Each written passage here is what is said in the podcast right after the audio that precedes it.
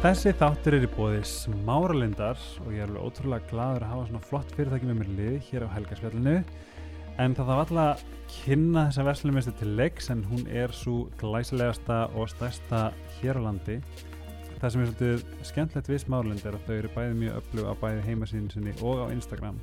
Þar sem ímyndslegt tilbóð er í bóði eins og matur og mynd á þriðdugum og þar er alltaf eitthvað skemmtilegt að gerast þess að það er mjög gaman að fylgja þeim á bæði samfélagsmiðlum og síðunni, þau eru með svona blogg og alls konar aðstóð og tips fyrir þá sem að þurfa. En uh, Smárlind er einnig uh, mjög framænlega í sjálfbærni og eru að vinna harkalega við það að uh, hafa sjálfbærni sem leiðaljós sem að er náttúrulega ótrúlega flott. Þannig er til dæmis verið að setja mikið af innstungum fyrir ramagsbíla og það er eitt af ansi mörgu þess að ég þakka bara smálund fyrir mig. Þið finnið það á Instagram undir nótendarnafninu smaralind og á smaralind.is en nú hefst þátturinn.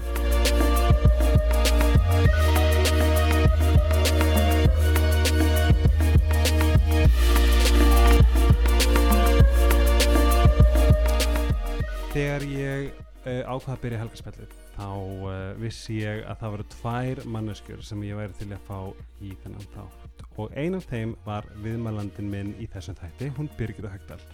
Uh, ég viðkynna að þetta var í fyrsta skipti sem ég fann að ég var innilega svona stressaður.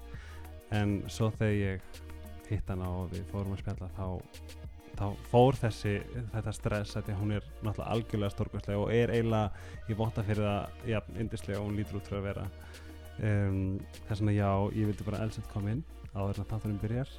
Um, ég er svo spenntur að leiða ykkur að heyra að því að hún er ædálum mitt og var ædálum mitt þegar ég var lítill og er ennþá. Uh, já, open your heart hér er Birgitta Haugdal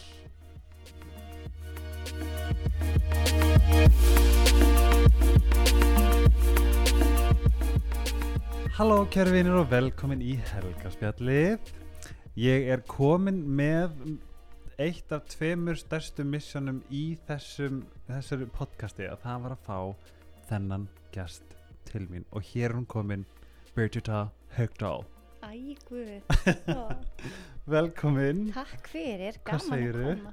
Gott, Er það ekki? jú, þú svo nota allt hérna hjá þér, hvernig er annað hægt? Já, ég ákvað að gera smá svona cozy stemmingu sérstaklega til þess að ná þá svona flow og momentumi Bara indislegt Hvernig komstu út úr jólatörðunni? Ég spyr alltaf Jóhannu vinkunu um Já, já, ég kom bara ágætlega út úr henni. Mm -hmm. Æ, nei, ég líði Ég, ég verða að viðkenna, ég bara næstu ég hundu um jólin.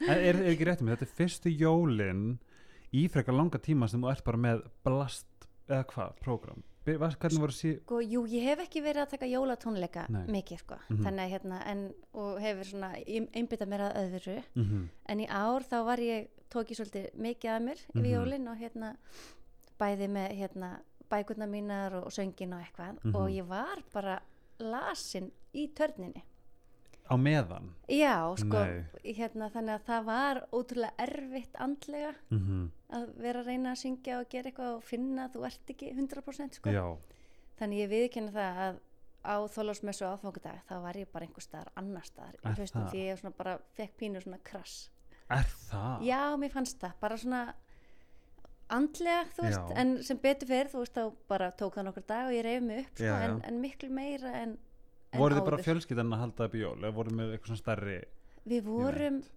við vorum heima hjá tengdafóldrum mínum, okay. þess að vera þurftir ekki elda á allt þetta nei, en ég, ég gerði það sem, við gerum það saman, þannig hérna, en jú, jú, þannig að fór ótrúlega vel um okkur Ok. og allt það, sko, þannig að, hérna, þannig ég náði ekki alveg að slaka á, fannst mér yfir jólina, því að ég var bara að Mm. reyna að byggja mig upp andlega meira, sko. við höfum rætt þetta sko sérstaklega svona tarnir, heilsugurotnir það, janúar er þeirra törn allt þetta heilsudúlir í en svo eru svo við sem erum á trennet.is og eru svolítið hérna. Þá er alltaf verið að promótera alls konar jól og svona. Og við höfum rætt þetta með sko þetta krass í janúar. Þegar tö- einhver svona törn er búinn. Já. sami Jóhannu, ég ringi alltaf í hana í janúar. Bara ég skan, what up? Eitthvað Já, svona. nákvæmlega. og hvernig, hvað hérna svona tól notaður til þess að pikka þið upp aftur Sko það er alltaf besta sem að, maður getur gert þegar maður lendir í einhverju svona sveiflum og ég held að við gerum það öll, sumir Algjörlega. átta sig bara ekki á því algjörlega bara ma- meðan aðrir setjast í sveiflunum og hugsa, "Bíddu, akkur er ég einna og hvað get Mhm. ég gert til þess að komast út úr henni Mhm. og bara það að ég var meðvituð að ég vissi bara já og gætt sagt við manni minn heyrðu, vá, ég er bara ekki alveg Fór á öllum mínum batterín eru greinlega tóm núna hjá Mhm. mér og hérna, bara það það er svona fyrsta skrefið að átta sig á því Mhm. því þá fer maður ómeðvitað og meðvitað að gera eitthvað í því Mhm.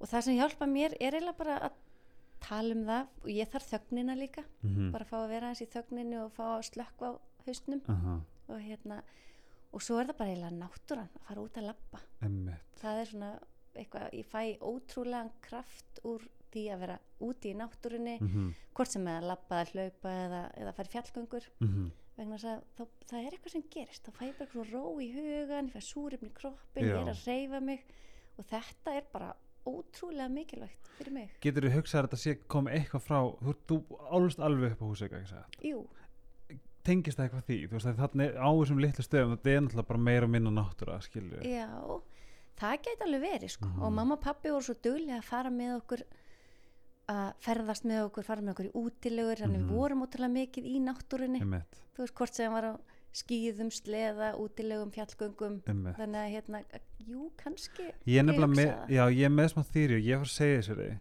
og þú veist þú veist, þegar við erum lítil það er bara, æ, okkur eru við ekki með fimmleika okkur eru við ekki með, þú veist, leiklist eitthvað svona, alls konar? En mér finnst við að hafa fengið svo ótrúlega sérstaka gjöf einstaka gjöf, en það er einmitt að bókstala þrýfast í náttúrunni bara allan daginn. Og, og er henni sko að mótast að, mér er svolítið fallið hugsun að þú veist, við mótumst í náttúrunni. En ekki í bíl hérna í leikskólan og tilbaka og svo þú veist, playdate og eitthvað svona.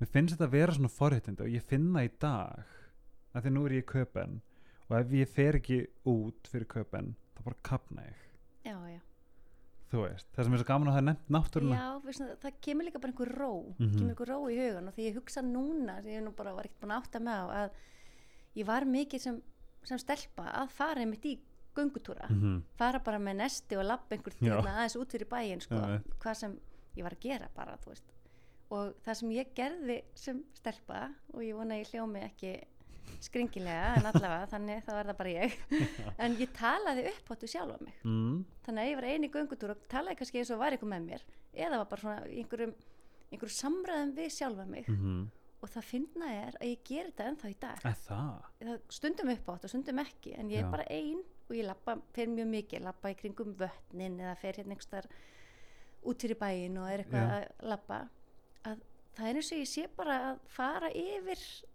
ég, get ekki eins og sagt um hvað ég er að ræða en Nei. þetta er eitthvað, þetta er ótrúlega þetta er ótrúlega gott. Er það að tala við þig? Já, ég En- bara hugsa upp átt Já.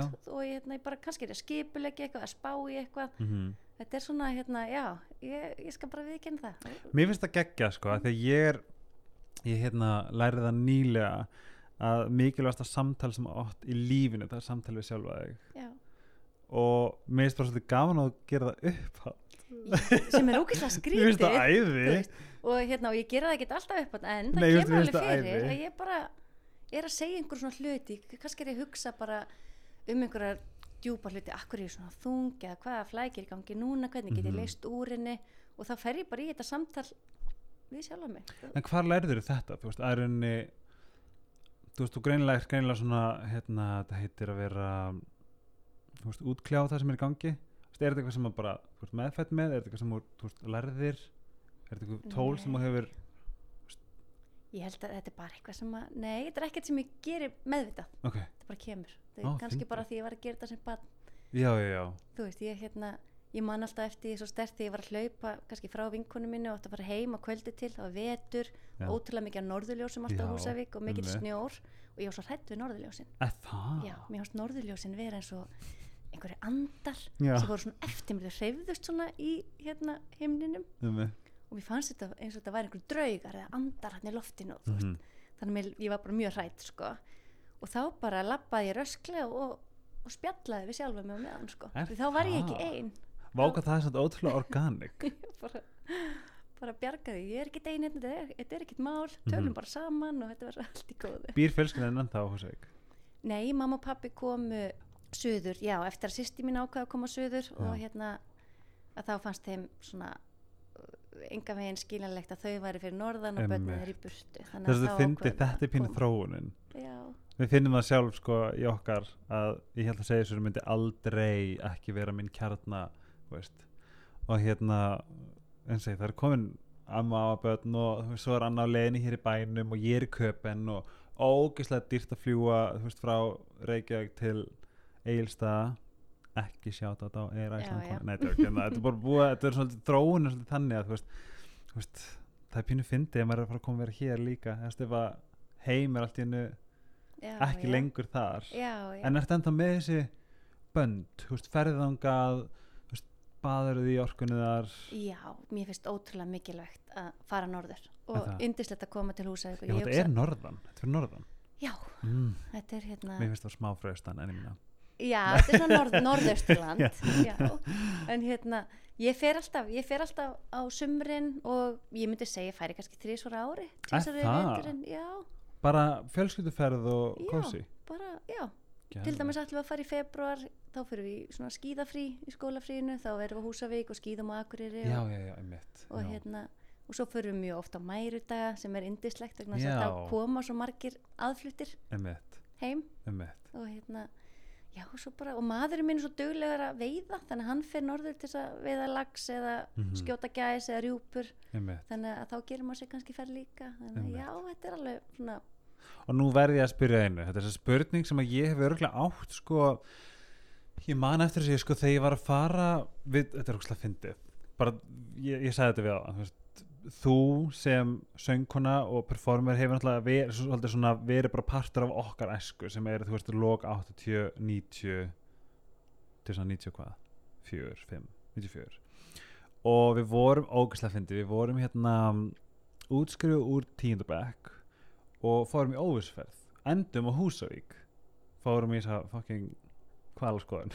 Nei Já. hvala hana eitthvað. Ó, varstu að sjá ykkur já ég var svo ykkur og hérna um, og ég man bara spjalli var bara hvað er allir byrgið þetta heima? Og ætlum sé hérna? Og eitthvað svona, þetta er það 2000 og hvað?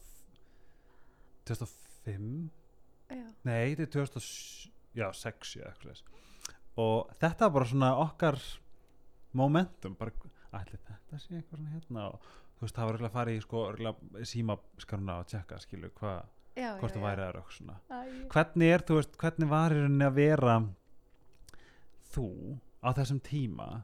Var Húsavík náði það bara að vera ótrúlega svona ah, og þægilegt og allir hitt alla og ekkert svona, þú fannst ekkert fyrir þessu þessu stardom, heim já, já, en þá er rauninni bara þá á þessum tíma sem að ég er að fara að vassa stæðst já mér, mér hefur aldrei þótt Húsavík hafa breyst. Nei, eða þráttur að ég var eitthvað farin að gera eitthvað hluti sem að aðrir tækju eftir sko. En ég flyt náttúrulega, náttúrulega frá Húsavík átjónara ah, þannig að frá þeim tíma er ég hvort ég er að mæta alltaf bara í heimsóknum jólinu, Mm, páskana til mömmu pappa og, ok, og svo framvegist þannig að hérna, já og mér finnst bara húsvíkingar taka mig bara þeir þekktu mig þegar ég fór Lítil og, og og- þekkja mig í dag já, það varst er ókslega erfið við eitthvað kennar einhvern tímann? Hmm, ég er bara að spyrja því nei, kennar minn afsökunar með jólin. nei Æ, nei, ég held að ég hef verið bara ágætis hérna það fór ekkert mikið fyrir mér sko. Nei. það, það var að gera það ekki sko. vissir að þú væri að fara hann að gera þegar þú varst lítil Nei, sko þegar ég var spurð hvað ætlar að verða þegar þú verður stór -hmm. og þá er ég að tala um því ég er lítil sko, Já, þá erum við að tala um bara hérna sex ára á undir, þá sagði ég alltaf hérna prinsessa eða söngkona mm. þannig að hérna, eitt rættist. Já, ég, ég er búin að ná einu sko, en nú er spurning hvort að Harry sé ekki að fara að losa sig nákvæmlega. Hvort ég er að að skjóta stór nei. nei, nei, nei ég hérna, þú veist, þannig að en nei, ég vissi aldrei almennilega eða hugsaði kannski ekkit út í það hvað ég ætlaði að verða sko. Hugsa einhvern veginn tilbaka eins og þú var bara, líður eins og spilin hafi bara spilast eins og átt að spilast eða finnst þetta að vera, hvað er þetta, tilviljun eða finnst þetta pínlítið eins og þú veist sagan var skrifið fyrir hefur spáðið ég held að þetta hafi átt að fara svona vegna þess að það gerðist eitthvað svo það var, já, ég held að þetta hafi verið skrifað í skíin Mhm. en hérna, hver sem trúir því. En að því að það gerðist margt svo óvart Mhm. fannst mér, en svo þegar ég hugsa tilbaka þá var, var, var ég á leiðinni þangað á hans að kannski vera meðvitið um já, já, veist, þannig að þegar ég byrja í þegar ég flyt hingað þá flyt ég að því að ég er búin að taka þátt í söngukeppnum, það Mhm. tekið þátt og var mikið syngjandi í hvað, varstu sko. í hérna mennskóla? Já, sko, sem barn þá var ég að syngja mikið á jólabölum, þá var ég upp á svið að syngja með allir voru ykkur jólatrið, já, ok, þú veist, á þorrablótum þá var ég að syngja já, sem eitthvað skemmteatri með fleiri krökkum, sko, já, já. Og ég var í tónlistaskólinu mikið að spila alltaf á þerflutunum mína hér og þar, sko, og hérna, einmitt, semja lög og spila þau og eitthvað svona, þannig að, veist, þannig var greinilega á leiðin á leiðinni Mhm. ómeðvitað, sko, og hérna, og tók svo þátt í söngkeppni framhalskóluna, tók þátt á Húsavík og, og, og tapaði, eða vann ekki, sem sagt, er það, Í Rude? Já. nei, nei, nei, ég átti það ekkert skilið heldur að vinna, það bara þannig. En svo fer ég í framhalskólan á laugum já, og tek þá aftur þátt í söngkeppni framhalskólana og Mhm. vinn þar, mhm, keming á söðu 98 já og tek þátt fyrir eh, hönd skólans. og þú ert á n- 19 eitthvað 20 ég, Nei, ég er bara 17 já, ok, eitthvað, og hérna 16, 17, já, 17 og tek þátt í söngkeppni framhalskólana og er bara ekki góð. Það er bara hannig, en þetta var ógíslega gaman. Já. og ég var hrikalega glöð já, þú veist, með að fengja þátt. en já. hérna, já, já, þannig ég var ekki fyrsta öðru eða fymta eða sjötta og ábygglega ekki tíunda sæti sko. já, en Gunni Þórðar Gunnar Þórðarsson, tónlistamæður hann var í dómnendinni, einn af þeim og hann sá eitthvað við mig. Þannig ég er komin aftur til Húsavíkur eftir keppnina. Þá ringir hann bara Og í því prívat mér. persónulega? Já, og býði mér að taka þátt í, í hérna Abbasjói ah, Broadway. þannig að hérna þannig byrjar það. Þannig að ég er fann að fljúa á milli er í framháskólum á laugum og er að fljúa okkur einustu helgi söður til að syngja fyrst á lögataskvöld hvernig fannst þið það? var það ekki pínu svona wow mér fannst það það ekki? mér fannst ég sko þarna fannst mér ég veri eitthvað. Ég bara Mm. þarna, ég bara, ég bara söngkon það er verið að fljúa mér söður og svo fæ ég borgað líka og eitthvað. Mér fannst þetta alveg bara draumur. Og ef ég hefði hætt þarna þá hefði ég bara hætt sátt því að mér fannst þetta svo stórkostlegt. Varstu með einhverjum, var þetta eitthvað svona tvær. Heyrðu, þetta voru, við vorum hópur sko. Já, ok. þannig að hérna Rúna Stefánsdóttir heitir einn, mm söngkona sem margir kannast við og Hulda Gestóttir Erna Þórarinsdóttir, þú þekkir ekki svona en þú þekkir síðan Kristján Gíslason jafnvel, hann var- fór í Eurovision með Birta. já, með Byrtu sem ég er ennþá móðgæður að hafa ekki komist herra. Hann var nefnilega líka og svo var Jónsi, að þetta gekk í þrjú ár og síðasta árið þá kom Jónsi inn í þetta. Er það? Já, kannski mann fólk eftir þessu. Ég vant bara já, en, Seyðisfirði já að en þetta var líka sko á Broadway það sem var 20 ára aldurstakmar sko. Já, skilur, þannig að ég myndi segja að þú fóreldrað var þetta borðhald og svo leiðis já, það var matur og sjó og það er ekkert sko. lengur svo Það leiðis nei, nei, nei, nei, þannig að hérna þarna byrjar bara boltinn að rúlla Mhm. þú veist, og þegar ég er búin að vera að fljúa á milli í þetta langan tíma svo ég bara, það gekk ekki alveg upp og, Mhm. og hau- hausinn á mér var fyrir sunnan, já, já, já, ekki fyrir norðan þarna vildi ég, þannig ég ákvað bara að prófa átján ára að flytja í borgina og nice. sjá bara hvað gerðist og þú varst bara að vinna þar Já, það var ég að syngja þrísar í viku Först Ok. að löga þetta á miðvíkudagskvöld girl hérna, og þetta er svona, bara- svona Las Vegas eitthvað svona residency dæmi Þetta var rosa gaman sko, alveg Þannig að ég flutti bara söður Já. Fór að leia íbúð Keipti með bíl Pínlítinn, góðan, hérna druslu. Átti ekki krónu, þetta þú veist Ok, að syngja þrísar í viku Einmitt. Og vera einhver bara á Broadway Það var ekki hálauna sko. Nei. En ég bara leta ganga Og ég keipti mig bara uppblásið sofasett Ég átti ekki húsgögn. Nei, Og lifði bara korflexi og frönskum. Fokk hvað það er fyndið. Var það svona bleikir þarna sem allir áttu á tímfili Nákvæmlega, en mínum voru bláir sko. Þú veist, ég átti ekki í stofuna, ég átti bara rúm. Hvar bjóstu? í kópáinum hérna, rétt hjá Smáralind. Þú veist, þannig ég þurfti að fylla stofuna þannig að ég kefti bara Einmitt. 5.000 krónur sofasett sem ég fekk sendt hvað heim fyndið Ói, ógíslega fyndi Já, já, þannig að þarna fannst mér lífið bara stórkostlegt En eins og Írafár, hvenar Ég átta mikið alveg að því, þú veist, þegar í Írafár til dæmis mm. hva, Er það fljótlega eftir? Sko, ég er búin að vera að syngja nú mann ég ekki kannski tvö ára brotvegi Já. eða eitthvað og en þá sagt, heyra þeir af mér þá vantaði söngkonu já, og heyra af mér á Já. þannig að það eru umbósmenn sem að segja að maður kíkja á mig. Það, þú veist að ég geti verið einhver svona potensial og þeir mæta bara á abbasjóið og, og ringja svo bara ertu til að koma á æfingu og hitt okkur? Og hvað hva, hvað tekur svona langa tíma frá því til dæmis byrjar að æfa og hvenær þú veist fyrsta platan og voru þið Veistu það, þarna er alltaf tíma öðruvísi. Þarna er Já. sam, plötu samningur og eitthvað svona ekki? Það tók nefnilega, við byrjuðum það tók ekki langan tíma, það bara Mhm. gerðist eitthvað við bara Mhm. hittumst ég, þeir hringdi mig og ég hitti það í svona æfingahúsnaði þekkti vantilega ekki neitt sko og, Nei. hérna, og þeir bara, hér er mappan okkar veist, við höfum verið að taka þessi lög og bara byrja að spila og ég átti bara að syngja það sem ég kunni var þetta bara svona tilbúið bara, veist, bara eitthvað svona trúbulög já, bara skrifa bara eitthvað svona ballprogram sem Já. þeir voru búin að spila áður Já. Þannig ég fletti bara, já, prófum bara þetta lag og bara, að ég tekkum á þessu. Þú veist, Já. kunni þessi lög ekki neitt en bara, aðtöku hvort ég geti sungið þetta. Wonderwall bara eitthvað. Já, líka við sko þú veist, bara eitthvað Jackson lög og eitthvað. Já, og við bara, þetta small bara við, þetta var bara eins og ekkert væri eðlilegra. Ok, þannig að við bara vorum allt í innu byrjuð hljómsveit saman og, og vorum ekkert búin að spila í marga mánuði þegar hérna við gefum út okkar fyrsta lag. Hvað var það? Það heiti Hvar er ég?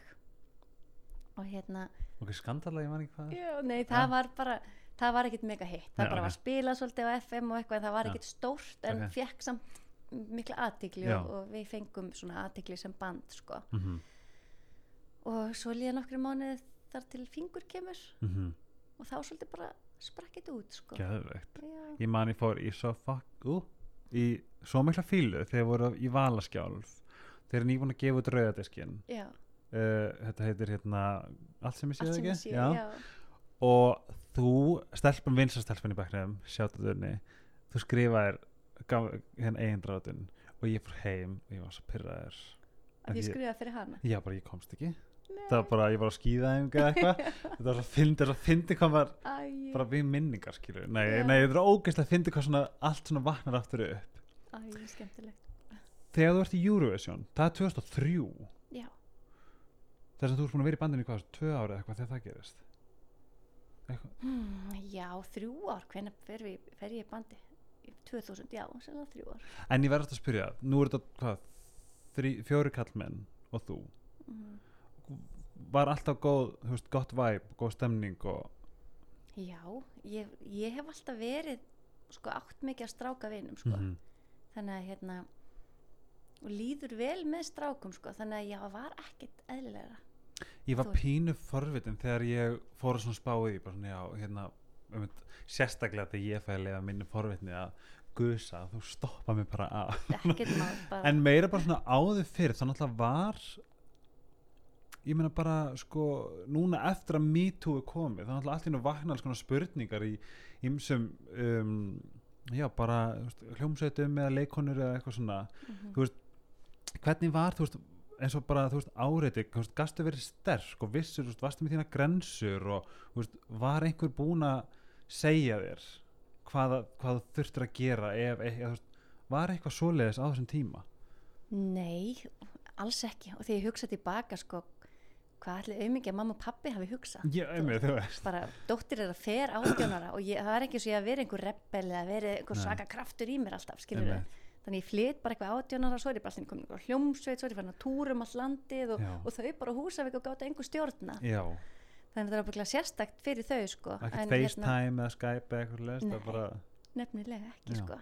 Hoppin á já, ég ringdi með mamma getur lagt inn um að 5 úrskall ég var blöng bara sem geti keift bensín. En hérna en nei þá var að ég var ekkert ég átti aldrei þetta samtal eitthvað við mömmu eða einhvern um eitthvað geti komið fyrir eða ég þurfti að vera Og þú, sterk það gerðist ekkert, þú, það var ekkert í rauninni kalla sprengja eitthvað, enga veginn, það, þeir sem að voru í bandinu og bandið hefur náttúrulega breyst frá því þá mm alltaf komið svo vel fram við mig og Geðveikt. allir og ég, það voru, ég var mest í kringu kallmenn já. hvort þeir voru fullornir eða í bandinu. Mm nei, ég var bara heppin, kannski bauð ég ekki, þú veist, kannski var ég einhver svona, ítti þeim frá mér eða hleypti þeim ekki á nálagt eða eitthvað svona, ég veit það ekki. En ég, eða ég var bara heppin. Einmitt, þú veist, kannski var ég bara ótrúlega heppin með fólkið í kringum mig, sko. Einmitt. þannig að ég á enga ég á enga sögu um að ég hafi ekki fengið það sem ég vildi eða fengið minna en einhver annar því að stelpa, þú veist, það er Mhm. ekkert eitthvað svona En eins og þú veist að, að standa fastvarandi þú veist þín mörg eða að þú skuli fá þú veist, að þú vilt þú veist, borga fyrirfram eða hvað sem þú veist var eitthvað sem undirbjöðum að vera þú veist sterk leading lady skilur við á þessum tíma nei, Nei. Var ég- þetta bara alltaf en ég- blaði Já. en ég er samt ég viðkenn það, ég er alveg ég er mjög mjúkur karakter sko, Mhm. og, og hérna en ég er, ég veit nákvæmlega veist, ég læt ekki vaða yfir mig sko, og ég hef alveg verið það frá byrjun sko, þú veist, þannig að ég held að bara í viðskiptum og samningaviðraðum öllu þá er ég ábygglega hundleðilega, ég er mjög hörð sko, þú veist, að En veit gæði þetta að vita þú úðstrólar að þú er svo góð að maður heldur kannski að hugsir æ, ég ætla bara að vera góð og Já. segjum bara hérna eitthvað svona. Nei. en það er, nefnilega ekki sko, Æði. og strákarnir í bandinu get alveg tekið undir það, ég hef alltaf verið hörðust af þeim sko, bara æ Birgit, ert þú ekki til að díla við þennan? Eða eitthvað, þess að ég bara en þetta er einhver kunst samt sem að er mjög sko hvað ég sagt? Hún er ekki þetta hverju í, í hverju mannslíka maður þetta er alveg, þetta er mega kunst fyrst mér. Ég held að aðalatriði sé að átta sig á því hver þú ert, Mhm. hvað þú vilt Mhm. hvað þú ert með höndunum. Veist, þannig að ef að ég veit að ég er með góða vöru í höndunum Mhm. og ég sætti mig ekki við að fá minna en þetta fyrir hana eða, eða Einmitt. gera hvað sem er fyrir ekki neitt og allt þetta sko að Já. þú veist, ef þú trúir því einlægt og innilega að þú Mhm. sért með góða vöru Mhm. að þá kannski getur þú komið sterkari fram Þessum- og bara þetta er línan og þú ert þá líka þú ert þá líka að taka á móti því ef að þú færð ekki giggið Mhm. eða einhver er ekki til í þetta eða þú- samningurinn verður ekki af samningnum og allt það og er þá líka verið tilbúin að fá neið Einmitt. en já, ég ætla hana. Þess að þú ert kannski ekki meðvirk að þessu leiti nei, Af því ekki, að það er ekki ég, þú veist, ég er auðvitað við þig sko. Já, æ, þú veist, þetta- bara þú veist, næst eða þú veist, ég er alveg þar sko. Já, já, já, en þetta er svona æfing sem ég er bókstaflega örgulega bara upp á dag er að æfa mig í. já. sérstaklega núna þegar ég er með minna einn business og svona. En þetta er bara ég bara, þú veist, meðverðsni býr í okkur öllum að einhver leiti en í rauninni Algjörlega. Hversu sterk svona, ég minnst ógst gaman að heyra þetta frá þér. Hvernig, þú veist, hvernig, eins og segjum við myndir þurfa að gefa öðrum ráð hvernig maður eigi að þú veist, þú ert alltaf næs og það er alltaf, seg, það er alltaf semja með góðum tón eða ekki, jú, jú, jú, algjörlega. Algjörlega, en það er líka mjög mikilvægt eins og ég segi bara að þegar þú ert hvort, í, sama í hverju þú ert í, við hvað þú starfar sko, að, að vita hvað þú ert með í höndunum mm, hvers er ætlast af þér, Einmitt. til í það og, og hvað finnst þér sangjart að þér, þú fáið greitt eða Mhm. þú fáir í staðin eða allt Mhm. þetta sko. En hérna, ég held að það sé aðalatrið bara að þú vitir hvað ert með höndunum. En, þú- og það þarf ekki að gerast bara ekkert mál, þú veist þetta þú getur alltaf sagt allt þú getur sagt allt með hlýju þú veist, þú getur sagt sama hlutin á tvenna vegu. Stundum heldur nefnilega að maður sé að bara áreita með því að vera með því að vera ekki undirgefin skilur já, já, það er líka svo magnast æ, æ, þú veist, það verður líka við mig svona, ég verðilega, þú veist, já, en það er svo rétt sem hún segir maður getur sagt þetta bara með kærleik, já, en samt mynd það sem maður meinar. kemur vel fram við fólk en Einmitt. þú segir bara, þú veist, en þetta ég er ekki til í þetta. Já, þú veist, nefnum þetta verði svona en engin, og ég skrifa, ég bara engin pressa ef þetta gengur ekki upp, en þetta er mín þú veist, þetta er frá mér Ú. bara allafana, ég kannski bara lærði maður þetta smá saman. Já, já, þú veist, auðvitað, get, ég get nú ekki sagt að Írafár hafi bara spilað allstaðar fyrir fullt af peningum og allt verið bara gleði og hamingja, við þurftum að hafa ótrúlega mikið fyrir þessu, við spilum á fullt af giggum frítt, Er ferðumst um, það? já, já, alls konar kynningar bylgjulestin var það ekki borgað? Og bylgjulestin, sko við fórum tvisar eða eitthvað, ég man það ekki hvort kannski bara matur og uppihald og rútan eða eitthvað, það voru ekki laun held ég fyrir okkur, að því að fyrsta bylgjulestin okkar, þá spilum við þetta eigi til já. Já, og hituðum svo upp fyrir sálinn á kvöldin. Ah, það var fyrsta árið. Veist, þannig erum við bara að kynna okkur út um all land. Við eigum bara tvö lög. Já. við gáttum ekki farið fram á eitthvað bara hérna Við erum mega popparar þannig að þarna vissum við ok, við fáum allan að vera að borga rútuna og mat og uppihald og eitthvað já. og svo fáum við, græðum við vonandi setna á Mm. kynningunni. Bara bring back bylgjulestin það var ángjörs toppurinn á sömurinu Já. bara það, þú veist, fólk fór ekkert í frí. Það er bylgjurestin skilju já, það er bara skemmtilegast í heimi. Það var ótrúlega skemmtilegt og hérna, en það sem er gaman sorglegt þetta sé ekki lengur en bæirnir bygg þetta til. Hefur ekki séð, núna eru alla bæjarháttíðirnar að poppu. Já, þannig að þú veist, nú, nú eru sko bæirnir sjálfur að halda sín, sín eigin Lunga sumarskettum segir sér þarf ekki að fá einhver útástöð til þess að gera það. Emmi, það er ótrúlega flott sko. Algjörlega. Að hérna, bara allir, ég held að allir bæir held ég séu komni með eitthvað. Já, sína bæjarháttíð Já, og, og það er fullt af full program á sömri hér Já. sem er pínu bitter sweet þegar maður er í Danmörku bara eitthvað borið nefið og klósið rassinum í skrifstofinu þú veist, allir bara um helgar og ógislega gaman. Já, þetta er mjög skemmtilegt og, og ég held að og við getum kannski þakka bylgjulistinni fyrir þetta. Algjörlega. Þú veist, mm -hmm. sínd okkur að það er, það er gaman það er alveg hægt að hafa gaman í þessum bæjum, þú veist, litlum sem að fáir á ferli og, og sko og, og bara make kids day. Veist, þetta var toppinu bygg já, ég er að segja þér, þetta var ógæslega fyndi og, og ég man eftir einhvern var ég að ég fór um all, sko, bókstölu út um allt hús að leita af klingi hvort það væri vösmi og pappa eða eitthvað. Svo ég gæti, þú veist, aðeins að noti mín já, ég fekk kannski 500 kall en svo endaði ég með 780 þessi Candy Ok. Floss og horfa á hljómsveit. Algjörlega. Og eitthvað svona stór sleiki á hana já, eitthvað. En ég verð að spyrja um fyrir my fellow Eurofanatics. Mm, þú tókst þátt í besta ári Eurovision ever. 2003 Varst Já. sammála? 2003, besta ári Já, ángurs best, bestu lög. Bara, já, úti. Já, já, hefur ekki tekið eftir því? En gaman að heyra. Hefur aldrei spáðið ég, ég hef aldrei spáði að ég held kannski bara ég þekki þessu lög að að ég bara var aðna og allt þetta sko, Já. þú veist, þannig ég hef aldrei hugsað það. Ég sko, ég átti diskin geisladiskin Já. og geisladiska spilar með hristuverð. Thank you very nice. Og þetta var bara svona við kerðum allt til Reykjavíkur og ég þannig, ég man ekki neitt til þess að berga líf mínu. Mm. en þegar kemur að þú veist Friends og lagatekstar þá er ég bara you got it.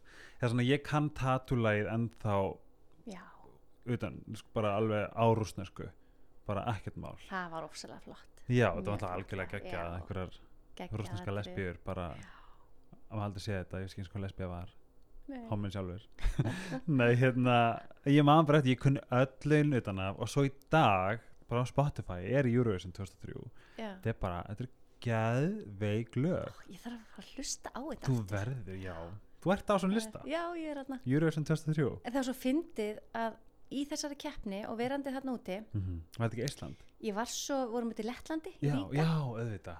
Og hérna, ég var svo einbeitt og fókuseruð á það sem ég var að gera. Já, því ég vildi ekki láta mér úr jafna ég vildi bara vera, þú veist, gera þetta vel. Þetta var bara Mhm. svaka stórt verkefni og ég ætlaði sko ekki að hérna að hérna valda þjóðinni veist, ég ætlaði bara hérna, standa mig vel fyrir land það var endur ekki Twitter þá en en þannig ég var ekkit ég hlustaði ekkit á hinn laun.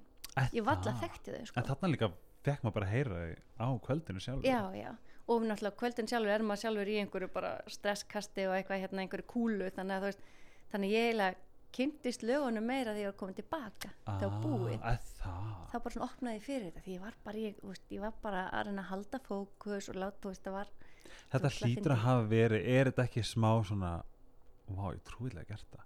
Var þetta ekki, þetta var svo hjút þarna og eitthvað svona Já. organic og eða það ekki, er það bara, er það kannski er bara ég ég veit ekki, Nei, veist, þetta voru algjör forréttindi og það eru algjör forréttindi fyrir alla sem fá að fara þarna út þú stígur inn í, mér fannst ég var komin heim eins og mér hefði dreymt þetta. Þú emmi veist, svona, "Ha, þetta gerðist í alvörunni?" þetta er einhver svona bubla og fyrir tónlistafólk er þetta bara geggja partí líka. Fórstu í að partíið? hérna- Nei, það indislega var sko að ég gætt ráðið þessu rosa mikið sko. Ég fekk alveg að hérna að ráða hverju er þetta ekki með mér, Ok. er með mér sviðinu, hvað er bakrættir, hvað í er það, fötum, þú var allt- svolítið ég bara í þessu. Já, er það, og Hallgrímur var svo indislegur sem að samti lægið og, Mhm. og svo gerðum við textan saman. Á ennsku nei, þið gerðu bæði- textan Ég er gerði það? íslenska og svo gerðum við saman á hérna voru þrjú sem, sem púsluðum honum á ennsku sko. Og hérna, en hann var bara svo indislegur að taka vel í allt sem að mér fannst og hún fannst Mhm. líka bara skipta svo mjög máli að mér liði vel til þess að það myndi svona geisla af manni. Og hérna, þannig ég gætt bara tekið vini mína, ég tók bara kærasta minn og, og annan vin og vigga, bara hefur þið verið hérna í hljómsveitinni. Og þeir voru alltaf bara að mæma. Voru þeir á voru- sviðinu? já, Nei, nema þeir eru alltaf bara að mæma þetta er alltaf playbacki sko. Já, og svo kom bara Regina og Margrétir og það eru í bakrötum og þannig að það var ótrúlega skemmtur svafröð koma svo um hárið á emmitt, það var bara svona, vá, geggjar hópur að fara saman og skemmta sig saman í leiðinni sko.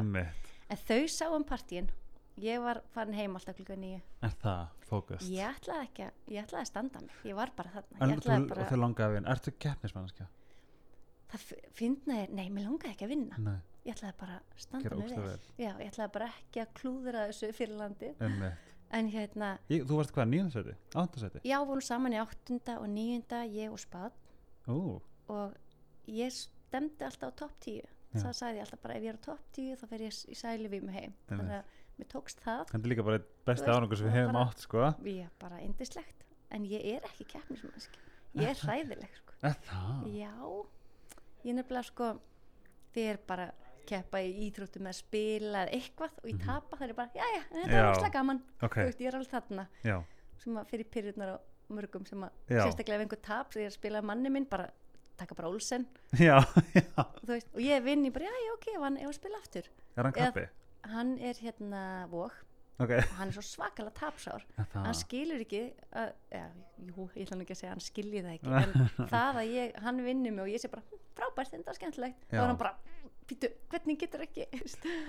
Ég er, ég er ekki tapsár ég er eiginlega bara leiðilega kærilegs í keppnum. Ég, það er samt bara mjög gott, held ég. Já, er ekki já, þannig sem maður vinnur? þess vegna er ég sannlega ekki íþrótta, afreiks íþrótta eitthvað. En ég verð að spyrja, horfur, hefur YouTube að þetta og horfur á þetta og hugsar Damn. Uh, ég gerði það ekki fyrir en að strákurinn minn sem að er vissi, tíu ári í dag sko, ég- fyrir en ég fór að sína honum þetta einhvern tíma þegar við Ah. vorum að horfa það var Eurovision kvöld Já, hjá okkur og hann fann að fatta þetta. Og mamma er í svona. Já, og þá horfði ég á þetta og svona vá, ok, þetta var svolítið þetta var svolítið var legendary. Við Æ. gerðum sko skólaskemmtun okkar, þá settum við þetta upp. Það voru tvær byrgtu og þær dansuð alveg eins. Ég og Pall Óskar.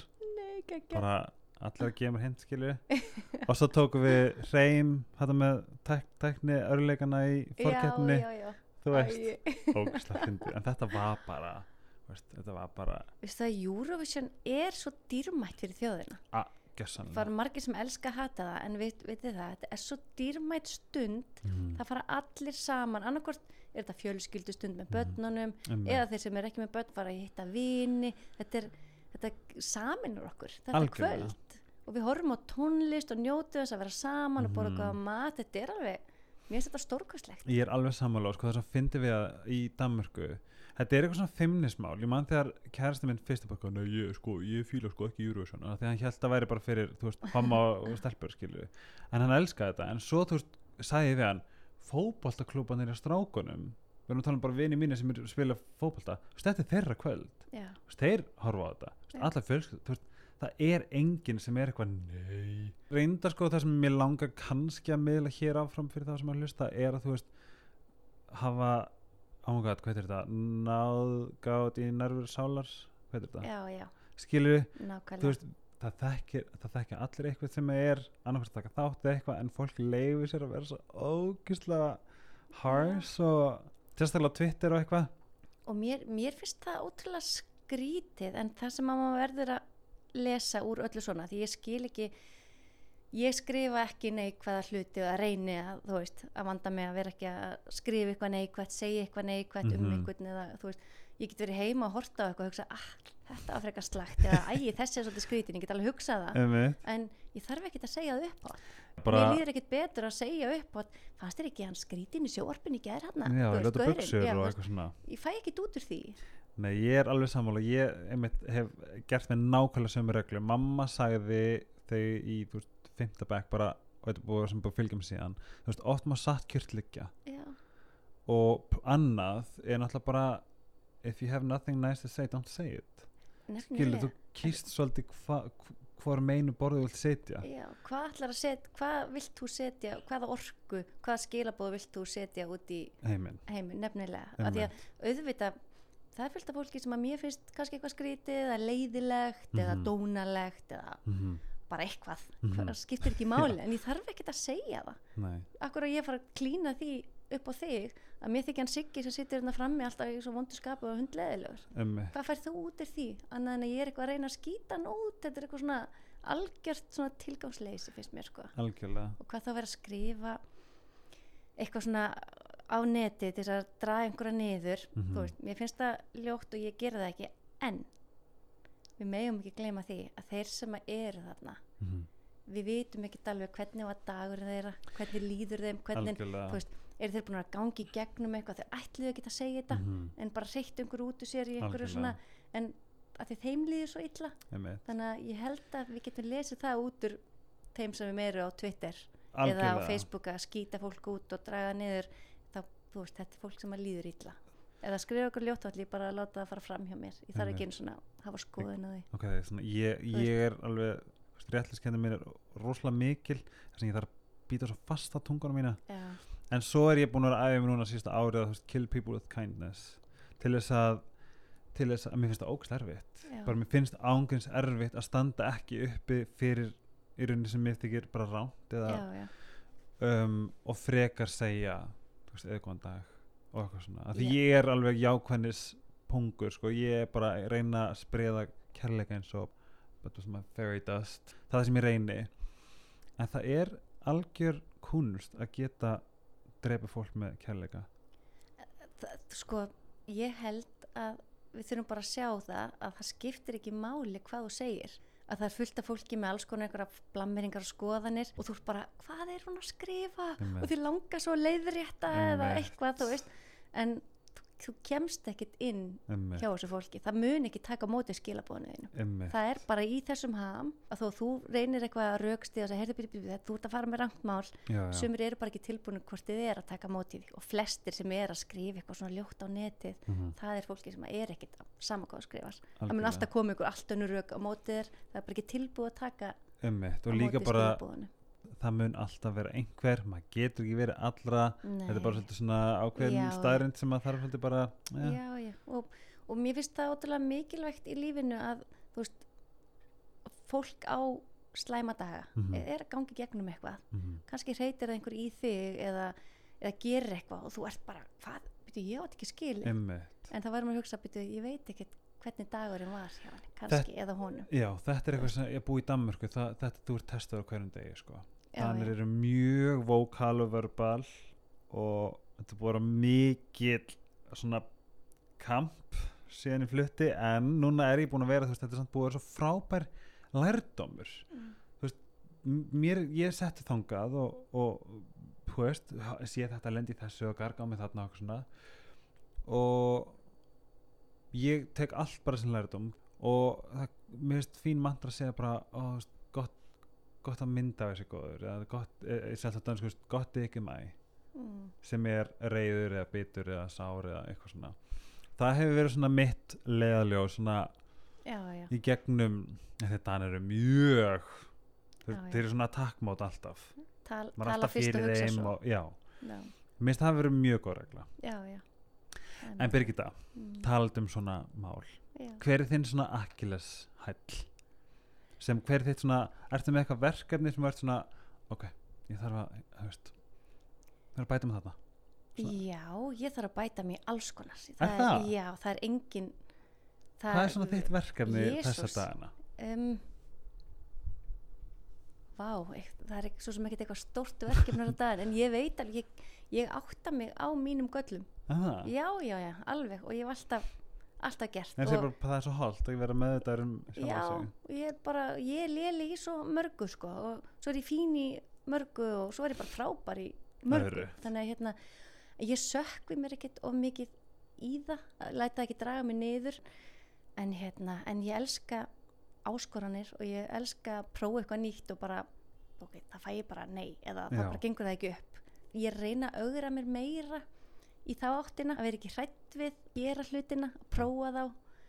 Þú veist að hérna ég hugsaði bara eins og þegar ég fór að gefa út bækurna mínar þú veist, ég ákvað bara heyrði, þetta bara ég er bara að fara að verða rithöfundur þú veist, það er bara að fara að gerast. Ég er bara nú bara kílu á þetta og ég bara trúði svo stert á þetta og ég hugsaði ég hugsaði aldrei Guð, ef þetta floppar bara, ef að enginn kaupi bókin eða ekki? fyrir, nei, ég hugsaði það skiptir ekki máli, nú ætlum ég bara ef þetta klikkar og klikkar það. Þú veist, ég, að ég held að hér áður fyrir var ég oft að hugsa í ringi, mér langaði ekki að gera eitthvað Mhm. og svo allt í henni fór að hugsa já, hvað, veist, hvað það text ekki Mhm. og hvað er þetta klikkar, hvað er þetta klikkar en nú er ég hugsa, hugsa ég bara, mér langar að gera þetta ég ætla Mhm. bara að prófa það, eða klikkar það bara klikkar það algjörlega þannig að ég er svolítið að reyna að vinna í þessu bara í lífinu sko Mhm. að hérna já þannig að það er ekkert eitthvað svona eitt þú veist ég mér finnst svona ég uh, ég veit ekki hvernig ég orða það ef ég hugsa sko hvert er svona mitt motto eða eitthvað Mhm. svoleiðis ég segi alltaf ég er að vanda mig mm. bara ég vanda mig, ég er að vanda mig hér með þér ég er að vanda mig að þetta samtal og vera með Einmitt. þér og gefa þér aðtikli og reyna að svara eins vel og ég get og vanda mig þú veist, ég er að vanda mig að vera góð móðir ég er að vanda mig að vera góð söngkona og eiginkona, ég er alltaf að vanda mig og ég er alltaf meðvita og ég segi þetta rosalega oft Mhm. Þú veist, ég er að vanda mig ég get ekkert meir ok, vákað það gott, vákað er holdt að heyri þetta já, veist ég bara, ég trúi svo mikið á það að ef þú ert að vanda þig Mhm. það þýðir náttúrulega að þú ert að gera þitt besta Mhm. að þá sér það aldrei eftirnin þannig að þó að eitthvað klikki og ég hef, þú veist, röddin brotni einhver staðar eða, eða þú mistiði þig og segir eitthvað eða það er eitthvað, sama hvað það er Mhm. eða gerir eitthvað illa en Mhm. þú varst að vanda þig og þú Já. varst að gera þitt besta þú gast bara ekkit meira þannig að þá er maður alltaf svo sáttur í hjartanu og ef við fyrir tilbaka sem sem á, tölum áðan kannski er allir bara að gera sitt besta já, eins og þegar maður, maður lendir í einhverju allir eitthvað til eitthvað svona, en Já, já. kannski er það að gera sitt besta já, já, ég er bara að Já. vanda mig já bara, vákvæmt er góð setning, ég hef bara hérna maður heyrt þetta en mér finnst bara sem mantra er þetta indislega mantra? Ég veist það, bara vandar í lífin ég, veist, ég er að vanda mig að reyna að vera borða holt og ég er að vanda mig að reyna að hreyfa mig. Það þýðir ekki að ég sé gúru og ég gera það vel en ég er að reyna að vanda mig og bara hvert hvert lítið spór er bara þetta er líka Mitt svona róandi motto af því að veist, þetta er, það er eins og maður getur kannski svolítið tökunum af því að vera alltaf hérna, þú veist, þú veist, maður er svo mikið á tánum oft skilju, að eiga að vera bestur í öllu eða fullkom í þessu og ég er að vanda mig, ekki bara já. gera meit, maður ekki bara gera það? Já. Af því að við getum ekkert, við erum öll svo ólík. Að það er einhver eitt sem að getur toppað á einhverjum allt önnum stöðum en við toppum sko. en við bara vöndum okkur, gerum okkur besta þá þýðir það að þegar þú lítur tilbaka mm. og horfir á árið þú veist, 2019 og þá ertu bara sáttur að þú veist bara, ég var að vanda mig. Ég var ekki einhver kærleysi bara að kenna einhverjum um eða einhver, ég, ég var alltaf með hugan við það að ég væri að vanda mig veist, og þá fór ég bara sáttur að sofa Ég finna sko það sem ég er búin að vera að gera varandi að ég er rosalega svona vörbali, ég tala mikið og þú veist, er oft bara svona ú, þú veist, stundum er ég bara svona æstur eins og bara, þú veist, var að fundi gær fyrir tvo kaffiballa fyrir, þú veist, ekki mér að bora neitt og ég var bara æstur, skilu og bara hérna stjóka og eitthvað svona og svo getur maður að fara í kleinu þetta er eitthvað eftir á hvað ætlaði að fara með þetta? Skal ég segja, já nei, þú veist, svo segir maður tók í feilspor eða þú sagðir eitthvað sem maður ekki að segja mm. en þegar maður gerir það nýttu það sem info skilu, eins og um daginn það var hérna reytti á einhverja konu, hún reytti mig, ég reytti Ma! Mm. en uh, ég hugsaði með mér, ok, ég hafði faktist ránt fyrir mér.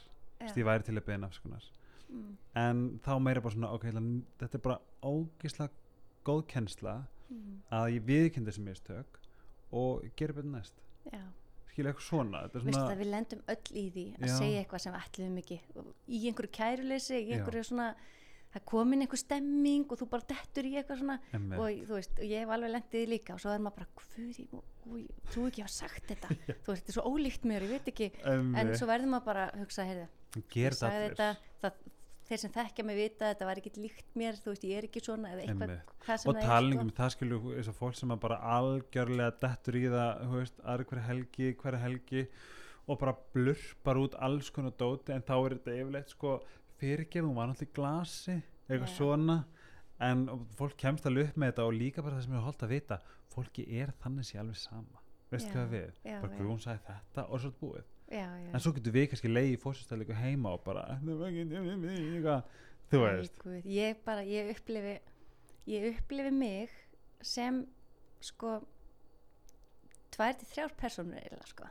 Það. þú veist, já, þannig að ég get segðu mig frá þú þeim veist, ég er bara, þú veist, að því að erum að tala með eitthvað svona missi eitthvað út úr sér að segja eitthvað grín sem Mhm. að var ekki við hæfi eða eitthvað en ég upplifi mig sko veist, ég er ég er hérna svona hlýja góða bara móðurinn og einkonan og Mhm. hérna og dóttirinn og svo er svona hi- hinn típan sem er Ok. svona, já, sem er svona kannski rockarinn eða mitt svona alter ego Mhm. sem er alveg jafn stór hluti af mér samt, er Mhm. jafn mikið ég sko, en sem er þá kannski svo sem að elskar að vera upp á sviði og taka rock og roll og, og segja hérna brandara með strákunum og hlæja og vera algjör gaur og, og missa eitthvað út um mér sem ég hefði ekki átt að segja og allt þetta sko.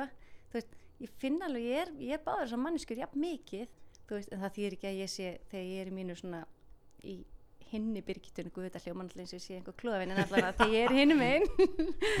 Að það þýr ekki að ég sé langt frá mér Nei. ég er alltaf, þú veist, ég er alltaf kurteis og ég er alltaf góð við þig eða brosmild skilur en það kemur þetta litla edge dýrið, maður hleypir dýrin út sko. Var, hérna, þannig ég hef oft upplifað sko bara guð, hvað ef að hérna ef einhver heyrir hana brandara sem að patnabóka höfundurum var að segja þér, þú veist, eitthvað svona segir Birgitta sérst óvegandi brandara já, já, ég hef alveg gaman að vera þú veist, ég gjá, gaman að vera kjáni og, og vera í fjöri og stuði og allt það, sko. þannig að hérna og svo kannski segja maður einhvern klúrin brandara sem var ekki við hæfi eða eitthvað svona, ó, guð eins gott að enginn heyrði það sem að er að lesa barnabæku fyrir börni sín eða eitthvað, þú Einmitt. veist en síðan hugsaði, nei, hvað hvað með það, þú hefðu heyrt hann þetta er, þetta er ég, þú veist, og það er ekkert eitthvað illt eða ljótt þarna, sko en en maður er líka ofta að bara fá að vera apologetically maður sjálfur já, bara skilurðu.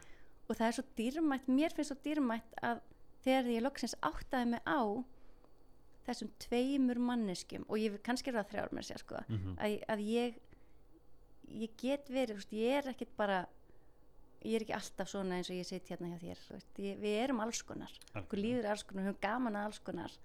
Var, mér fannst allan ótrúlega holdt fyrir mig því ég fattaði þetta að, að mamman er ekkert endalega upp á sviðinu bara eitthvað, wú, bara Nei, hérna í einhverju rock og róli, sko. Það er hinn, þó þetta sé þó börnum minn horfa þetta er mamma er þá, ég held að þau átti sér líka á því. Að þetta er, ég veit ekki hvert ég er að fara með Nei, þetta, en þetta er ótrúlega þetta.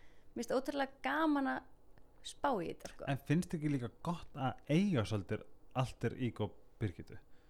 Jú. er ekki, er ekki svolítið svona er ekki svolítið, er það ekki líka bara svolítið frelsi? Bara fá að bara vera einmitt.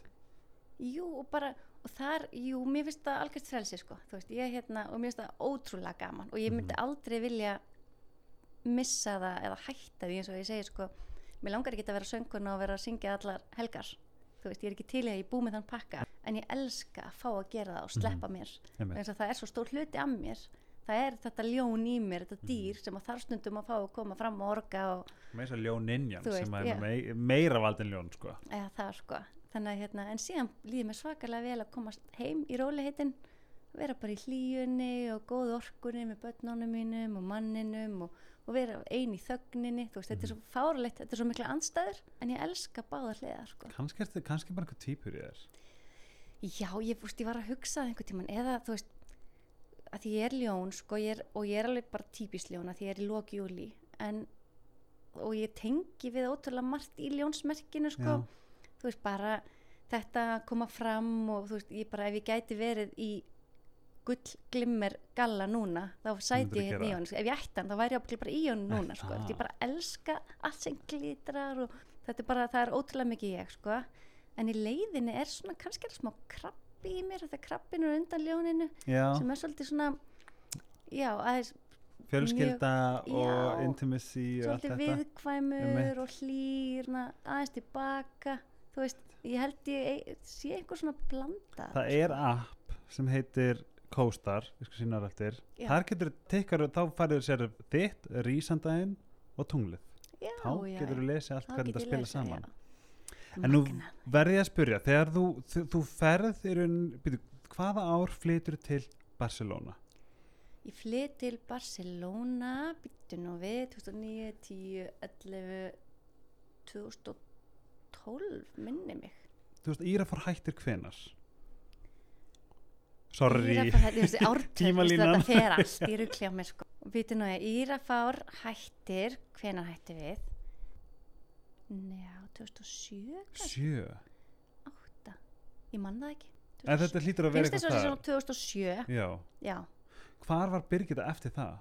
Það því nú, var, nú, núna finnst mér gaman þú að tala um allt er ríka áskil Já. sem að er mm. veist, á sviðinu og fær þar hvað hva varðum Birgittu Sko eftir Írafár, Eftir þegar Írafár. við tökum okkur hlið, þá held ég nú áfram, þá gef ég út sko barnaplötu og svo Mhm. sóloplötu og hérna, og svo því ég flytti Barcelona þá er ég að vinna að annari sóloplötu. Ah, og hérna, en það sem að var ótrúlega skemmtilegt í því ferli að hérna, að sóloplötuna mínar síndu hinabyrgituna mm, að þar, já, þar kom svona hin hliðin svolítið út og sérstaklega á fyrri sóloplötunum minni sem heitir Ein já, að þá fór ég, var ég að semja lög og tók gömu lög úr skúfunni texta Mhm. sem voru svona fín já, svona gamall kjarni og svona einlægni sem að sem ég hafði ekkert sínt áður sko Einmitt.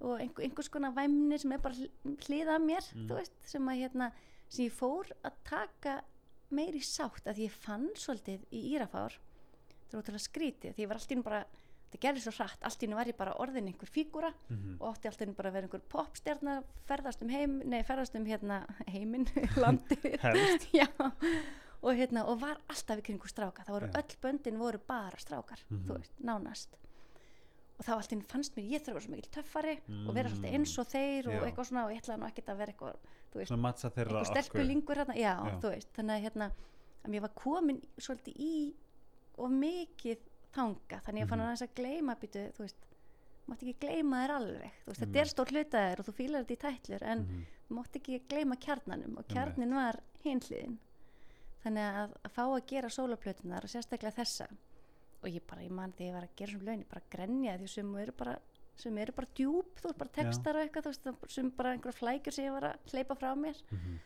en það var ótrúlega dýrmætt og mér fannst líka svo dýrmætt að sína fólki hina hliðina ég er líka svona, þú veist, það er ekki við erum öll alls konar og það er ekki alltaf að marka kannski eitthvað eitt verk eftir eða hvað það er sko. þannig að allavega, þess að gera langa sögstu þetta Mhm. og svo flytjum við til Barcelona og þá ger ég sólplötu nr. 2 sem að hérna var mjög skemmtileg, var eiginlega meira svona hvað bara, hún? hún heiti Ströymar já, emmitt, já hún var svona aðeins meira þú veist það var aðeins meira, ekki rock sko en svona pínu meira power Mhm. Í henni sem að var eiginlega bara því mér langaði svo að gera svolítið plötu Mhm. veist, það var ekki kannski sama einlægnin en ekki Nei. heldur kannski rock og rólið þetta var eitthvað svona milli, þetta var svona eitthvað sem mér langaði svo að gera ég er að vinna hana úti en að flytja til Barcelona tekur mig svona úr fæ ég frí frá öllu, já, Já. þá er ég búin að eignast barn, hann er tveggja þryggjára og er komin í annar land og fæ bara að vera svolítið ég upp á nýtt í, Mhm. ég svona í bara í minni orku án áreitis þú veist, ég þurfti ekki að ekki það ég hef aldrei þurft þess og maður þarf ekkert en ég þurfti ekki að vera næs við Nei, einhvern eða ég þurfti ekki að Eða vera um ótrúlega, að ótrúlega segja. hugguleg eða eitthvað svona sko Einmitt.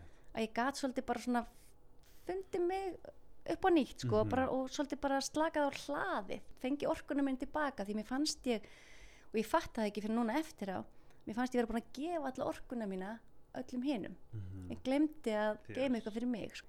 þannig að búa í öðru landi og fá bara já, að vera bara engin og vera Mhm. nobody var bara stórkostlegt það það var líka bara búið mjög hektist ekki satt Jú, þetta var búið að vera svo mikið törd sko, já, það var búið, já í tíu ár bara á miljón sko.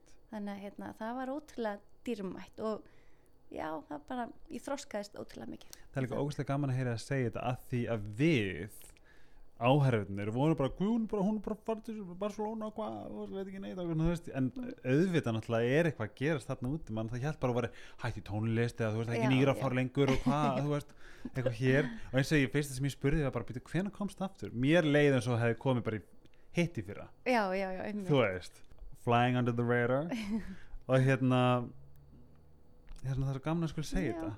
En það var ótrúlega dýrmætt og þarna, þarna fann ég líka mig sko, og, og uppliði mig svo mikið bara sem bara móður og Mhm. allt inn var ég bara orðin konunars bensa, skilur Mhm. ég var, þetta var ekki, veist, var ekki Birgitta Haugdala bensi, þetta var bara þetta, þetta Benedict and his wife Einmitt. þú veist, ó, mér finnst það geðveikt. Og til að fyndi það var bara hinn hliðin á mér þannig að ég er með mjög svona hliðdraga hlið elska að vera ein og mér líður ekkert alltaf vel að vera á margir og eitthvað. Og svo er hinn að hliðina og stundum sem ég bara fíla í tætlur að vera í partíinu. Þú veist, þannig að þetta er alveg svona svo ólíkt sko.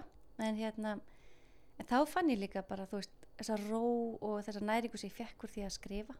Búið til bækurna mín að sitja á kaffihúsum Já, hér og þar þú gerir þær fyrstu byrja þar þar, já, byrja að skrifa þar og fann mig svo mikið þar. Að því ég var ekki fann, og ég finn það þú veist þetta er eins og, eins og einhver svona andli íhugun að sitja á tölvuna og skapa þetta og þetta er nátengt já, þetta er bara hugleisla og þetta er nátengt söngnum og listinni Mhm. textagerðinni, lag, lagagerðinni þú veist, Einmitt. að því að þú ert bara að koma í einhver svona sköpun, þú gleymir einhverju flæði og ég fæ það Einmitt. sama úr skrifunum sko, sem að er að því fólk spyrja mig svo "Bíddu, hvað, akkur fórst allir að skrifa þú Já. veist eitthvað svona bara, ég fann mig og ég finn mig þarna að því þetta er svo tengt þetta er, þetta er bæði í listinni sko. algjörlega, Hva, hvað heita þetta bækunar?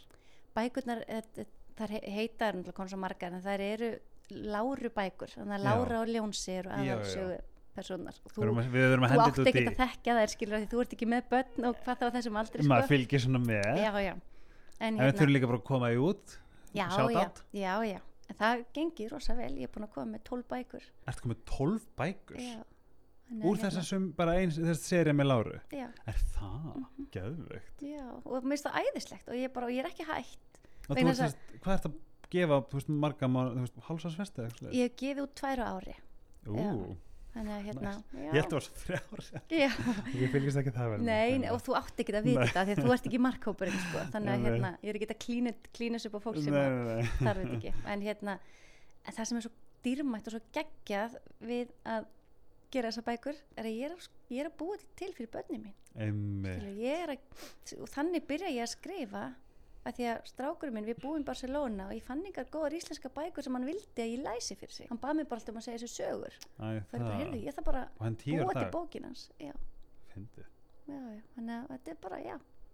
Þetta er þetta fyndið samt líka Einhliða. Svo fyndið að við vorum Gesturinn sem var kannski þátturinn komin út með Þú veist, Hún bjóð til sleipefni fyrir sig og kærasta sinn sem allt í hennu sprakk Já. Ég er með þetta podcast að ég er svo forvitin Ég var svo sem að gera þetta fyrir mig En sem gekk svo bara vel veist, Það er líka Já. margt sko fyrir fólk sem að er að gera eitthvað og þú kraumar í þeim og, og þetta, þetta er rétt fyrir þau veist, þetta er meira kannski bara svona fyrir það má alveg taka sjens á því Já. sem að er einlegt að gerast hjá manna því að meina ef þetta virkar fyrir þig og þú kýldu næst fyrir þessu þá- þá- já. Getur bara á það alltaf ef það er hjarta í því sem þú ert að gera. Mm og eins og vorum þarna hjá um mér. Já. já. bara ef það er hjarta í því sem þú ert að gera eins og hjá mér með bækurnar ég var ekki að skrifa bækur til þess að græða. Selja, ég var ekki að skrifa bækur til að vera vinsæl eða hitti í eitthvað, eitthvað fann eitthvað bóks eða eitthvað vantar hérna. Heldur var ég að skrifa bækur fyrir stráki minn. Einmitt. Þú veist, þannig að ég var að vanda mig fyrir hann að því að mér langaði að lesa ég hlakkaði svo til að lesa þessa bók fyrir hann. Og þú dóttir líka ekki, já, í dag er ég gömul? fjár ára fjörra stúlku já. Hvað finnst hennum bækunar, það hlýtur að geða þetta það, og það er að yndislega að þau elska þessa bækur, hann er náttúrulega um tíu ára núna Já. en laumu aðdáðandi þrátt fyrir það að vera tíu ára sko. Og, en, og ég svo ó, þetta er svo gott, ég er svo hamingi svo með það að því ég er að gera þetta fyrir þau. Mér er Mhm. alveg sama ef engin önnu börn hafa gaman að þessu. En það sem að eðlilega, þá eru mín börn ekkert eitthvað einstök. Þau eru eins og önnu börn. Mhm. þannig ef að mín börn bæði elska þessa bækur þá veit ég að hljóta að vera fleiri einmitt. sem að hafa gaman af. Og það bara, þannig var Mér finnst þetta góður innbæstu fyrir fólk að núti sem að að þetta þetta creative process gæti að öllum líkitum virkað en líka bara ef það kemur ef, það virkar fyrir þig eða eitthvað svona þú veist, af hverju þá ekki taka sens presentaði hugmyndina þína. Það er allir með alls konar í maganum eru kannski Já. byrjaðir, eru kannski eitthvað fyrir sig. Þetta er meira þess að koma smá innbæstur út í fólki þetta bara, Já, þetta, þetta, hefur sínt svo sanna þetta bara ef það er hjarta í þessu þá kýlda á þetta. Þess að líka, ef, ef það er hjarta í því sem þú ert að gera þá skiptir ekki málið að það gengur ekki upp. Þá bara, Algjörlega. ég reyndi og það sem mamma sagði mig negin færiðinar í jáinu. Það sem sapnaði negjum Já, nákvæmlega. Ef þú fær aldrei nei, þá ertu ekki að gera neitt. Nákvæmlega. Bara en sjáðu líka bara þig og þetta podcast veist, þú ert með hjartað í þessu. Er þú bara- ert að opna þig og þú ert algjörlega berskjaldaður í þínu og þú veist, Mm. þú alveg tekur úr hjarta og leggur á borðið og þess vegna er það að blómstra. Og ég fæ að vera forvitin já, það er bara my life's purpose. Er bara gegja en segðu mér þetta eitt, núna líka að þú veist comeback of the, þú veist fucking century, Mm. En að segja mér frá svolítið, ég er svolítið forvitin að vita hvena byrjaði að krauma í skvísun aftur Þessi, þú, þú Um, varst á landinu eftir Barcelona hversu já, lengi? já, Í- já, já, ég er búin að vera á landinu í, þú veist, fimm árið eitthvað Og var enginn eitthvað í hagkaup bara eitthvað, býttir þú hér? Eða er það bara ég? ég veit ekki sko, málið er það að við strákarnir höfum, Já, ég er að fara. já, Já. já við hérna, við höfum við hittust alltaf reglulega, fyrir út Ok. að borða eða borðum saman eða gjöftum og eitthvað Já. og alltaf árlega, jafnvel árs, árslega þá er einhver sem bara, já, hvað segir, ef að kýla á þetta ef ekki að Er gera eitthvað, já, bara Ok. því að okkur langar bara gaman og hérna en ein- einhvern, og einhvern, ég veit ekki út af hverju en við vikjum alltaf verið bara eitthvað, nei. Okay. veist, sem, að, sem var alls ástæðan var alls ekki að því að okkur langar ekki eða að, að það sé ekki gaman. Heldur bara, bara eitthvað, nei, nei bara, veist, við vorum alltaf svona að draga halda aftur að heyrum sko. Right, já, er ekki, ekki núna. Og hérna að þessi, þessar samræður höfum átt og áttum öll árin Það? bara hvað segja, gera eitthvað núna, gera eitthvað næsta sumar eða veist, að það eru fleiri í bandinu sem bara, jú, gerum eitthvað en við vikki höfum alltaf verið þau sem að svona æ, býðum að sjáum að til á næsta ári en síðan hérna uh, er ég beðin um að koma já, einmitt það var eiginlega þannig að eftir að við hættum Írafár Mm. þá hætti ég að koma fram yfir vestlunumhelgar þá breytust vestlunumhelgarna mínar í fjölskylduhelgar Einmitt. Og mér fannst það svo geggjað að því að allar helgar, vestlunumhelgar þá var ég á miljón út um, þú veist, bara á milli krumaskoðana eða milli Já. landsluta og, eftir, og hérna krassaði eftir það þegar að maður var algjörlega búinn að því maður alltaf að skemmta öðrum og, og gefa öðrum orkuna sína þannig ég tók ákvörðun og við að við ætlum að veiða alltaf um vestlunumhelgar, Já. ég og maðurinn minn og fjölskyldan þannig að alltaf því ég fekk fyrirspyrnur í gig þá sagði hann því miður ég er bara að veiða. Og sagði nei öll árin. Og að ég eh, bara tónlistamenn það fá allir. Meil og eru beðnir um að vera einhverstaður vestlurna helgar, Mhm. það er svo mikið að gerast. En síðan ári, ári áður en að Írafár kemur saman þá fæ ég fyrirspurn og hérna og það er á meðal frá þjóðhóttið og ég er eitthvað svona, já ok, ég ætla að fara að svara og þá kemur það upp á krafsinu að við missum veiðin okkar sem við vorum með planað. Það kom eitthvað upp og þannig að allt í einu vorum við ekki með hennar veiði, bókaða. Og þá segir manni minn, heyrðu við erum ekki að veiða, ef við ekki bara, ekki bara að syngja þarna, við fyrir bara og skemmtum okkur tvö, bara eitthvað svona, bara svona Mamma kærustu para helgi, Já. bara, já, hérna.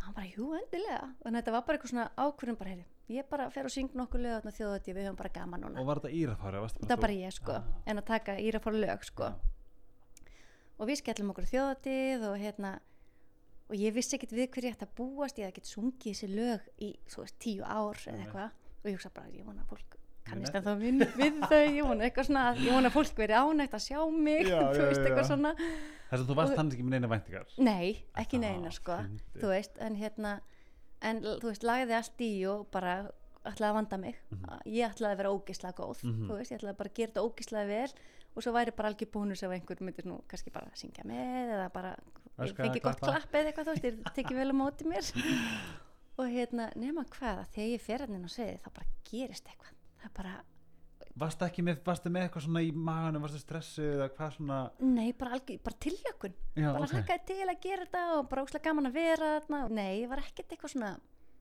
nei, ekkert Þú eitthvað varst stress ekki með eitthvað fönig sem var bara tilbúin að springa þarna. þetta Nei, hvað- nei. ég var bara, ó, þetta er geggja ég Ok. okay. get að ég hafa gaman ég vona bara að einhverju fleiri hafa gaman að ég sé hérna. og hérna og svo bara gerist eitthvað, ég kem inn á sviða því ég byrja að syngja lögin og ég bara heyri alltaf í mér því að brekkan syngur bara yfir mig Oh og bara hvert einasta lag sem ég tók ég manni hvort ég tók fimm lög eða eitthvað. Já, og ég hugsaði að því ég kom á sviðinu þá var ég bara, þetta er ekki hægt. Ég get ekki verið ein að upplifa þetta og fá allt þetta tilbaka frá fólkin okkar og strákarnir mínir ekki. Já, þú veist. Og hérna, og þá sag, hérna, heyrði ég í þeim og sagði strákar þið, þið verðið að upplifa þetta. Einmitt. ég má ekki vera ein að upplifa þetta allt saman sko, þú veist. Þegar þú lappar að sviðinu, hvað, þú veist þetta lítur að hafa verið smá svona, wow, já, ég bara, jú, þetta var bara magga, þetta var bara svo mikið þakklæti. Þú veist, það var mikið svo, þetta var svo góð tilfinning í hjarta. Þetta var, þú veist ég veit ekkert hvernig ég var eða hvort, þú veist, ég bara, en varstu hissa? Já, mjög. Og ótrúlega, þetta var svona dýrmætt þetta var ótrúlega dýrmætt. Maður var alltaf inn að að finna hvað öll vinnan Öll þess að árin áður, já, bara vá þetta skildi eitthvað eftir hjá fólki. Aha. þú veist, ég, ég, ég snerti hjartaðum þau kunni þetta ennþá í dag. Og það er svo dýrmætt sko. Þannig að það var ástæðan fyrir að við ákveðum heyrði, kýlum bara eina tónleika. Veistu, það er svo fyndið fyrir, fyrir mig að heyra að ég var í bara "Fucking hell, nú, þú veist, það er tjóti að byrgta hegtalega og þú veist, bara allir vinni mínir og bara það fyrir maður, þú veist, reaksjónið er bara real, skilur við mm. það er það sem svo fyndið, bara, veist, við er 91 þú veist, 91 út um all land, veist hvað við veist, báðu hvað þetta er samt hálf magnað það var alveg bara forréttindi og indislegt og hvernig voru hörputónleikarnir? já, svo hérna Ég byrja við þá að halda- skrifa ég til þín. Af hverju komst ég ekki? Hvað? Ég, ég, ég var í Thailand, nei ég var eitthvað ég, man fannst mér leiðinlegt. já. það við var- ákveðum bara, heyrðu, skellum í eina tónleika og svona Mhm. hvar er að vera í háskóla bíói eða hörpunni eða einhver annar staðar og svona, ah, ok, það verður kannski erfitt að fylla hörpuna, þú veist, og við getum ekki verið alltaf tónleika og kannski hálfu salur og vorum alveg í öllum þessum pælingum. Ah, já, alveg, svo hugsa, nei, heyrðu við verðum í Go við, við eigum að vera í hörpunni. Og hérna og hérna, og bara leðum allt undir og, og, kýldum á þetta. Og ég var mjög stressuð þegar miðasalan fór í gang. Ég hugsa, "Úst, bara verður þetta verður erfitt maður, við þurfum að fá okkur að sponsora með okkur og verðum að, þú veist, þurfum að auglýsa, duglega að auglýsa og alls konar plön komin í gang. Svo hérna fyrir miðasalin í gang og ég bara eitthvað að lappa í kringlunni þegar, þegar hérna hann Ísólfur, tónleikahaldarinn okkar syngir í mig og segir Birgitta það er uppselt. Og ég segja hvað, ég held að hann ruggli mér því að klukkan var bara ný orðin 11 eða eitthvað. Þú veist, hún var bara, þú veist, hún var svona 5 minnur yfir 11 eða eitthvað. Og miðasalan byrjaði klukkan 11 og ég, og, og ég bara, já, sæl kallinn, hvað, Já, grilla í mér núna og Einmitt. eitthvað, hann bara, nei, Birgitta, nú þurfum við að taka ákvörðin á ég að henda á auka tónleikum eða ekki? Þessi ákvörðin þarf að koma núna, það er allt, veist það er sprungi kerfi hérna og eitthvað. Og ég svona, ert það grínast? Nei, bara það er uppselt. Já. eigum við að setja aðra auka tónleika og hann var alveg þarna. Ég, já, já, já, bara, en, já, bara endilega. Dag, nei. Já, bara, við áttum bara þennan eina dag í hörpunni. Já, þannig að þá urðu þeir einmitt. bara að vera strax og eftir um kvöldi og ég bara, já, já, bara endilega það er hægt og svo bara kveður hann, hann mátti ekki Mhm. til að því að tala um mig því hann var bara yfir miðansvöldinni og ég hugsaði bara, já, hann, hann sagði hann sko, það seldist upp á þrema mínútum Hvað hugsaður? Það er ekki smá svona Nei, bara svona, er ekki svona skrítið að fatta það var ógislega skrítið og ég, bara, og ég var bara og ég fór bara einhver svona geðsræðingu ég svona lappaði eitthvað um kringlun og settist á einhvern bekk Nei, og svo bara táraðist ég svona ein með sjálfur mér í kringlunni. Þetta var svo fímandráttið og ég, þetta var bara svoleiðis Já. en ég satt bara eitthvað svona bara jafna mig og bara svona þurka táring og svo bara vá, bara fullt af fólki sem vill koma og bara búið að köpa miða og en þetta var alveg innlegt við byggust enga veginn við þessu sko. Og svo bara fóru hinnir Strax líka. Já, veist, þannig að þetta var Ég bara man bara, þetta var alltaf, þetta var alltaf vísið um bjall og þetta var, Já, þetta, þetta- þetta var, ef líka í þetta er svolítið, þetta er svolítið sögulegt dæmi íslensk Þetta var- hljómsveit sem að, já, þú veist. Þetta hafði ekkert gerst áður svona Nei. sko, það var bara Guð minn góður. þannig að við auðlýstum hvergi. Við keftum ekki eina auðlýsingu við vorum ekki svona búin að auðlýsa fyrir þetta við vorum bara búin að láta vita á svo Facebook þú veist, þannig að við vorum alveg bara ok, við bara frábært. Og- Já, það byrtist bara á Tix já þetta, kom bara, og- já, þetta kom bara, við gerðum bara ívent á Facebook. Það er eina sem við gerðum. Shit, það þannig að, hérna, að það bara, hann bara dreifðist.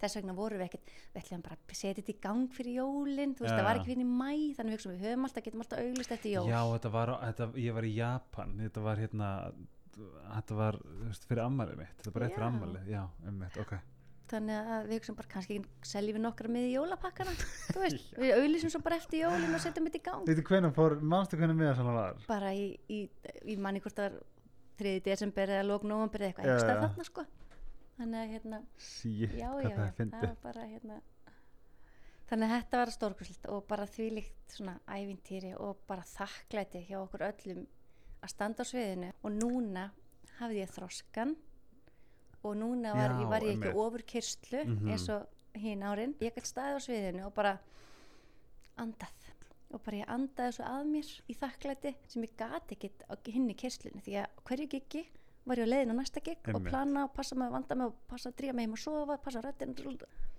En hvernig var, voru tölunginni sjálfur? Var ekki verið svolítið verið að garga fram henni líka á móti? það var bara styrla þetta var bara styrlun Ég sá bara víti, alltaf bara allt, sko mitt Instagram var alltaf bara stútfullt af þessu sko. Og ég man þetta var svolítið svona uh, og ég skrifaði Já. um til þeim bara please halda aftur tónleika.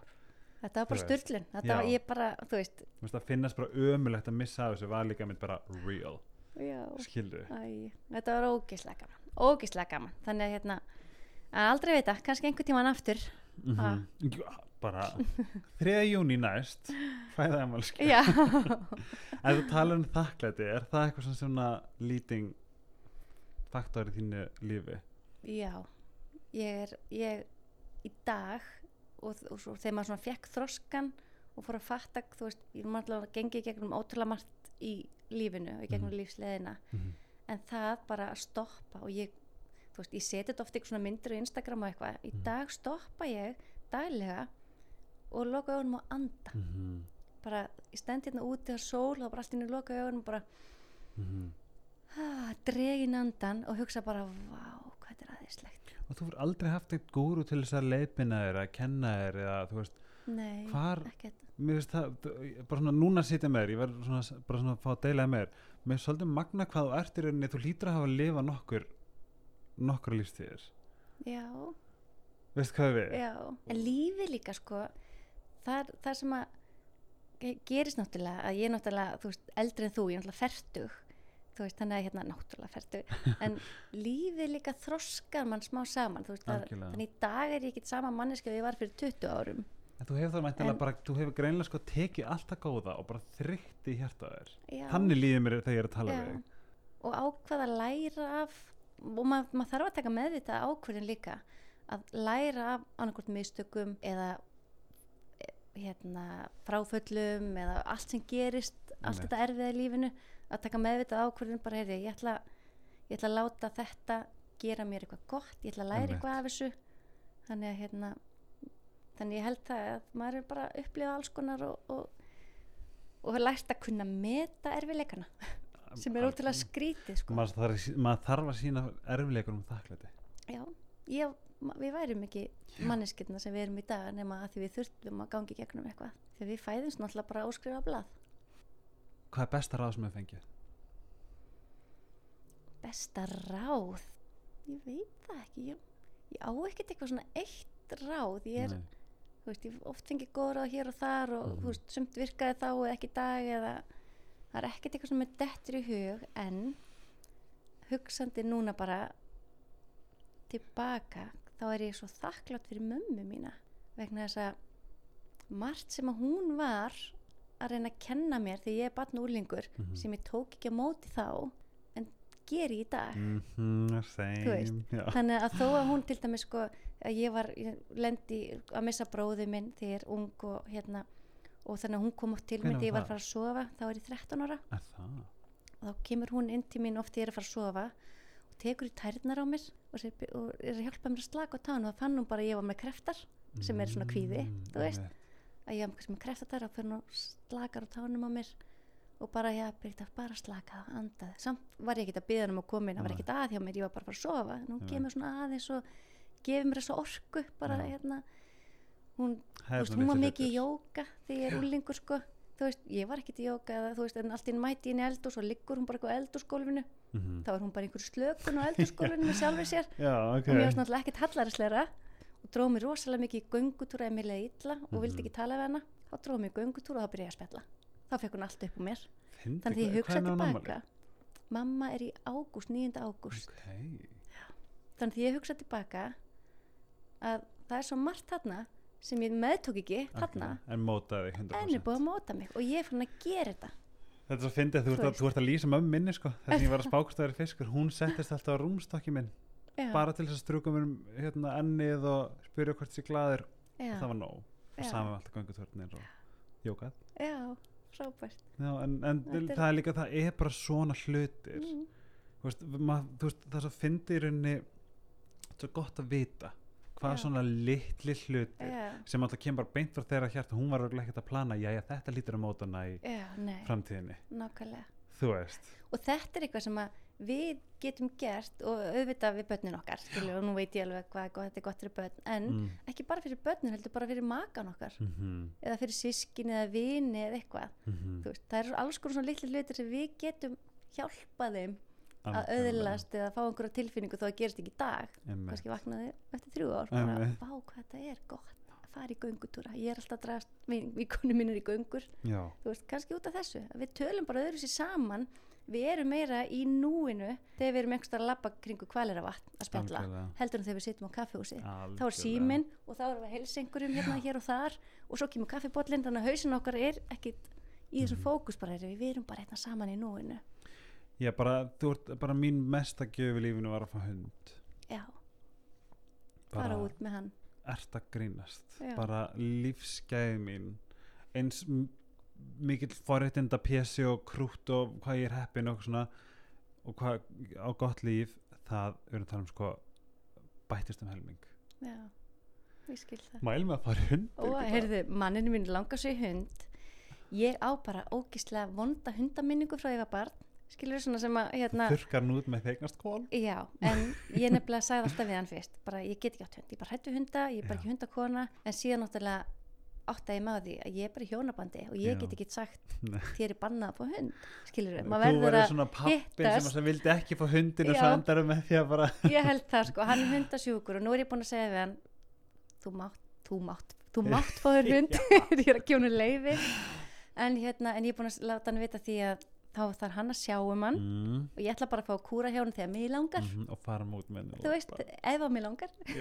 en ég veit alveg, þú veist, auðvitað það kemur eitthvað lítið dýr á heimila og ég eftir að elska það sko. þú veist, þannig að hérna, já, já, ekki spurning. Veit hann hvernig hund það vil hann er svo mikill veiðimaður þannig að hann vill einhvern sem að hann Ok. getur á, átt með sér í veiðina sem Ok. hann getur svona, þeir getur veitt saman. Þannig að Ó, það þarf að vera stór hundur þannig, ég, ég vil náttúrulega bara pínlítinn einhvern. Já, fáðu ykkur bara sem svo minn hann, inn, hann lúkar eins og stór hundur. Já, og hagar eins og stór hundur. Hann er svona medium small sko. Já, já, svona spiss hundar íslenski hann er lart sem samt er hann svona medium small. Já, ef hann er bara, hann, hann lúkar eins og skilur, Já, já, já. þetta. Þetta er hérna eins og íslenski fjárhundurinn. Já, já, já, einmitt. Spissarnir. Bara eins og ég, the greatest joy in my life. Ein spurning í lokin mín kæra. Mhm. hvað hefur mótaði mest í lífinu? Og hvað hefur mótað mig mest? Mér er svo illa við já, já, mér, finnst, mér er svo illa við eitthvað sem er mest, verst og best Já, skilur um að eiga svona segja eitthvað hvað er að versta sem við komum fyrir því eða besta og allt þetta sko. Þess að lífið er svo alls konar og, mm Mhm. svo, og við tökum alls konar frá öllu skilur Mhm. þú veist þannig að ég er alveg sæðileg í einhverju svona fullyrðingum og, og eins og ég sagði við áður í byrjum ég finn einhver svona predikunum og segja fólki að gera þetta og veist, mér finnst það svo erfitt neða því að þú veist þú bara gerði alls konar og takti það best úr því og svona en auðvitað það sem móta mann er ég myndi segja sko að hvert feilspor og hver, hver er erfileikar og Mhm. verkefni sem þú ert að taka á lífinu ég myndi segja að það móti þið Ú, mest sko mhm. þannig að og það að því að ef þú gerir ekki neitt þá getur aldrei gert neitt rámt en þá kannski mótast, þá ertu ekki neitt. Veist, ég, bara, ég veit ekki alveg hvað ég er að reyna að segja en mér finnst, ég held að bara þetta er mjög öll hver feilspor, hver, já, erfileikar sorgin, missirinn vesenið, þú veist bara allt sem var erfitt í lífinu Mhm. mótar mann og fær mann til að taka stöðuna. Að því ég held að allt gengur alltaf í hæginn, þá tekur aldrei stöðuna á þér og Einmitt. þú veist ekki og maður bara, þetta er svona eins og eh, við við tala um þetta áður, vöðvar þú veist, þeir ripna, brotna til þess að Já. stækka. Já, skilur, Einmitt. lífið er svolítið þannig.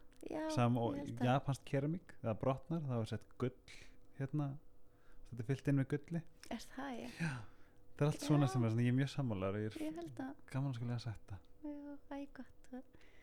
Er erfitt að eiga, þú veist, maður á engin rétt svör en þetta er allavega einhver svona sem að ég, mér þykir væntum mér þykir væntum erfileikarna mína. Mm -hmm. Ú, þeir, ok, gerðu mig, þeir gerðu mig að þeirri konu sem ég er í dag.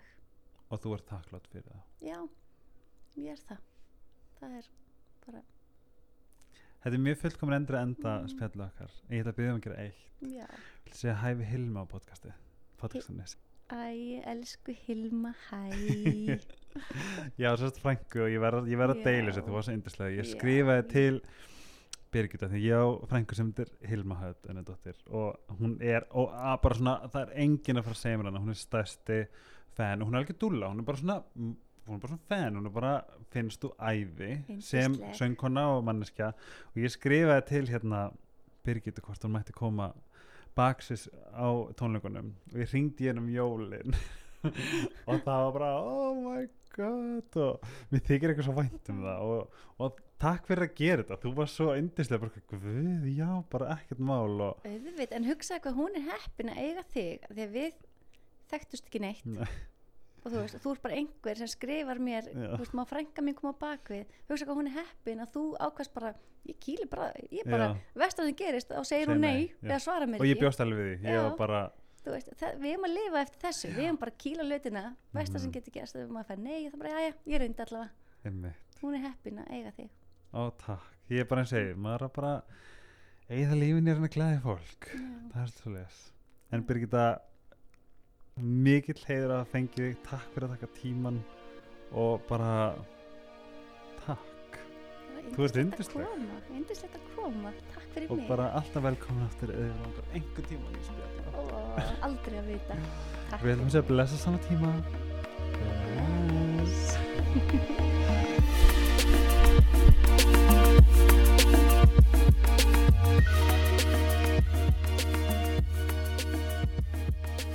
Í lokin langar mér að þakka smálund fyrir stuðningin, ég er svo þakklur að hafa með mér í þessu og mæli með að skoða smáli.is þar sem eru alls konar frettir og fráleiksmólar, matur og myndaþritum og Instagram-eira sem er alltaf í blúsandi seiflu. Smáralind, smaralind á Instagram. Takk fyrir mig og bless þess.